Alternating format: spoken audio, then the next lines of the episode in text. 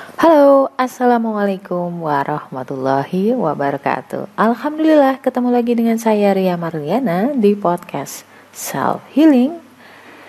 Ya karena ini udah tahun 2021 ganti kali ya. Udah gak kesepian lagi kan? Kayaknya gak cocok deh jargon-jargon yang kemarin. So podcast ini bakal ngobrolin atau belajar bareng. Gimana sih caranya menemukan ketenangan hidup? Ya gak Bahwa sebenarnya bukan ditemukan sih ketenangan itu tuh dijaga. Nah kemarin tuh kita sempat diuji banyak banget terus terang di awal tahun ini baru page berapa ya? Pokoknya kemarin udah banyak banget ada yang banjir musibah tanah longsor dan yang paling mengejutkan sebenarnya uh, tentang jatuhnya pesawat Sriwijaya Air. Pasti kalian udah tahu ya semua mata tertuju kepada peristiwa tersebut. Walaupun agak too much kalau aku bilangnya too muchnya kayak apa sih mbak? Terus uh, kita mau ngomongin selain itu juga kita akan ngomongin tentang empati di sini. Oke okay, mungkin nggak semuanya bisa setuju sama saya tapi uh, coba dengerin apa ya suara hati yang terpendam ini. So jangan ke mana-mana. I'll be back soon insya Allah pengen naklukin diri sendiri atau pengen naklukin hati golongan darah B, wajib banget baca. Jangan deketin golongan darah B sebelum miliki buku Beauty in Abyss ini. Tenang aja, karena bahasanya tuh bukan yang ilmiah-ilmiah banget. Ada cerita, ada narasi, tapi nggak sepanjang novel-novel drama atau sastra. Cuman 25 ribu. Link pembelian terlampir nih.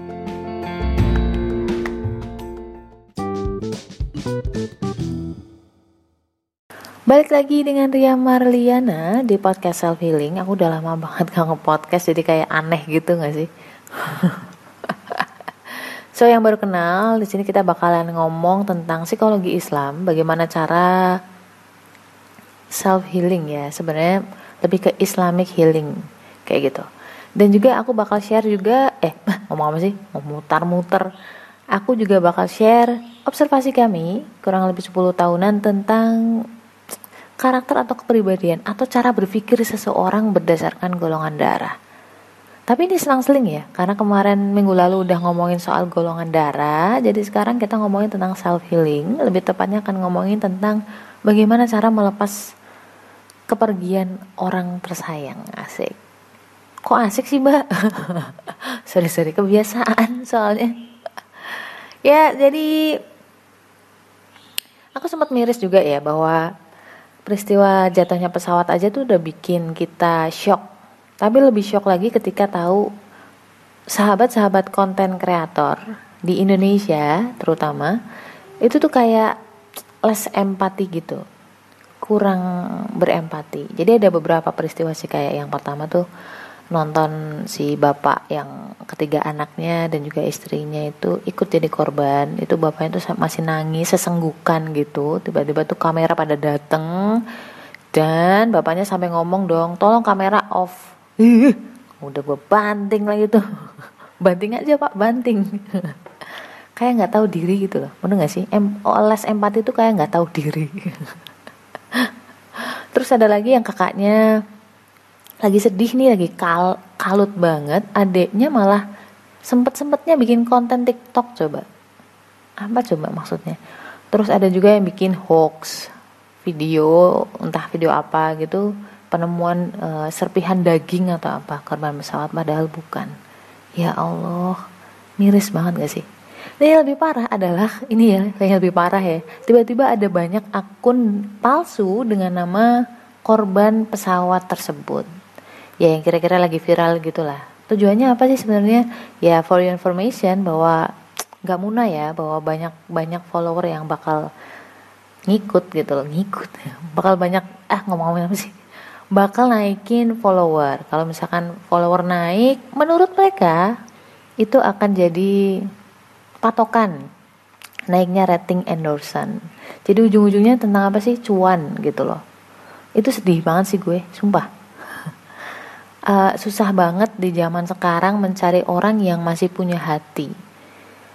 Karena mungkin mereka nggak paham ya nggak bisa memposisikan diri di posisi orang lain. It's okay lah tapi ketika diingetin harusnya dia ya udah di take down gitulah ininya kontennya kan tapi enggak malah makin banyak makin bermunculan makin banyak kisah-kisah yang entah itu bener atau enggak terus pada share uh, foto-foto atau video para korban sebelum mereka berangkat atau naik ke pesawat. Bahkan ada yang sampai ke personal life-nya para korban. Kamu bayangin deh kalau kamu menjadi keluarganya si korban dulu pengen pengen apa ya move on gitu. Even kamu dapat asuransi misalkan tuh kamu berharap mereka tuh nggak akan pergi duluan walaupun nggak dapat duit itu gitu loh. Kenapa aku pernah ngerasain? Dan nggak enak rasanya. Andai kata boleh memilih aku memilih untuk tidak menerima uang itu tetapi bokap gue masih ada gitu loh. Dan kamu kebayang gak sih ketika buka sosmed, buka berita, buka TV, isinya tuh wajah-wajah orang-orang yang mereka sayang, yang mereka kenal, yang mereka apa harapkan kedatangannya terus berseliweran di feed-feed Instagram orang lain aja tuh enek gitu. Gimana dengan para korban? Gimana cara mereka ngelepas itu? Buka sosmed nangis lagi. Buka TV nangis lagi. Aduh come itu bisa bikin trauma loh. Lu nggak pernah ngerasain ya? Semoga nggak usah ngerasain lah. Cukup lu apa ya memahami dari omongan orang lain. Jangan sampai Allah turun tangan sendiri ngingetin kalian sampai harus ngerasain hal yang sama gitu untuk mencapai empati. Makanya kadang-kadang gimana sih cara cara dapat empati yaitu dengan cara menempatkan sudut pandang kita di sudut pandang atau kacamata orang lain. Gimana mbak caranya? Banyakin ngobrol sama orang, banyak komunikasi, tanya tentang mereka. Gimana perasaan mereka gitu loh nggak cuma sekedar ngobrol tapi isinya ngomongin diri kita doang gitu. Itu namanya sudut pandang kita aja yang kita share ke orang lain. Kita nggak dengerin orang lain. Oke cukup emosinya. Jadi tadi sempat aku ngomong bahwa aku pun mungkin sedikit agak sedikit mengalami namanya ditinggal orang kesayangan.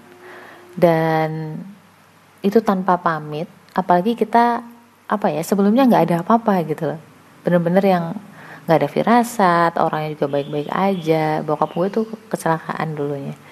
Dan uh, apa namanya kayak lu masih punya misalkan ya kayak pertemuan terakhir tuh kayak bikin bikin orang tersebut kayak tersakiti. Itu rasanya kayak unfinished business kayak ada penyesalan yang nggak akan pernah berujung itu ada ada ada masa-masa seperti itu apalagi orang-orang yang mungkin anaknya yang meninggal istrinya dan lain sebagainya. Jadi yang di dalam tanggung jawab dia itu lebih dalam lagi karena ada rasa guilty atau rasa bersalah di situ.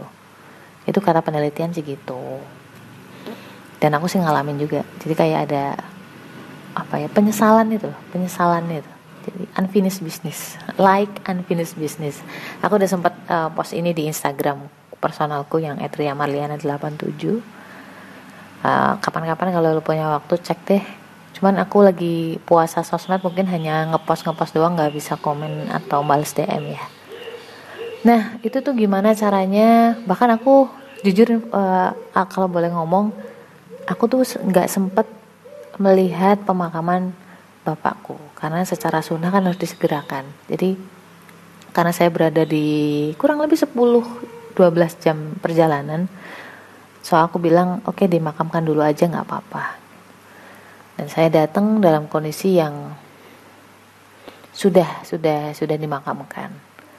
Dan gimana caranya aku melepaskan itu? Memang sih cara merelakan seseorang ya relain aja gitu kan. Nggak semudah itu Ferguso itu kan kalimat ya tapi yang ngerasain kan hati kalau kita nggak bisa memandang sudut pandang yang benar, perasaan juga nggak akan membohongi diri kok. Oh kita belum bisa bisa belum bisa merelakan dia.